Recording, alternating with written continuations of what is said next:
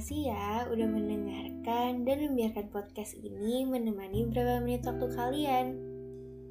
Kali ini kita akan mengarungi luasnya jarak dari sebuah hubungan. Jadi, kami ucapkan selamat datang untuk kamu. Iya, kamu yang sedang dalam lika-liku long distance relationship. Semoga podcast ini dapat menenangkan setidaknya sedikit keresahan kalian ya.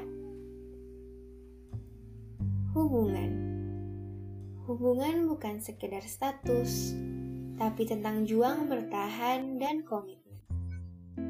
Cinta gak semudah datang dan selesai. Gak semulus dongeng yang selalu berakhir baik dengan sendirinya. Konflik selalu ada masalah selalu timbul.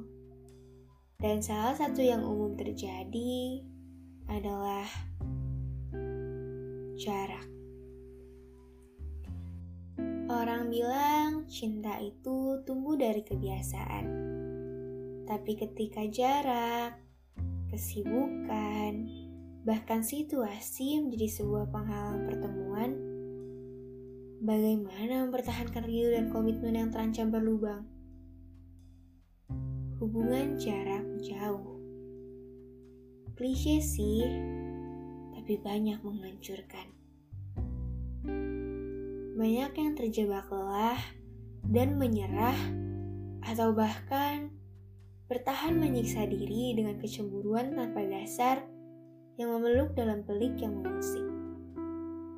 Cemburu itu wajar, malah ada yang bilang tanda sayang. Tapi apa ia perlu berlebihan?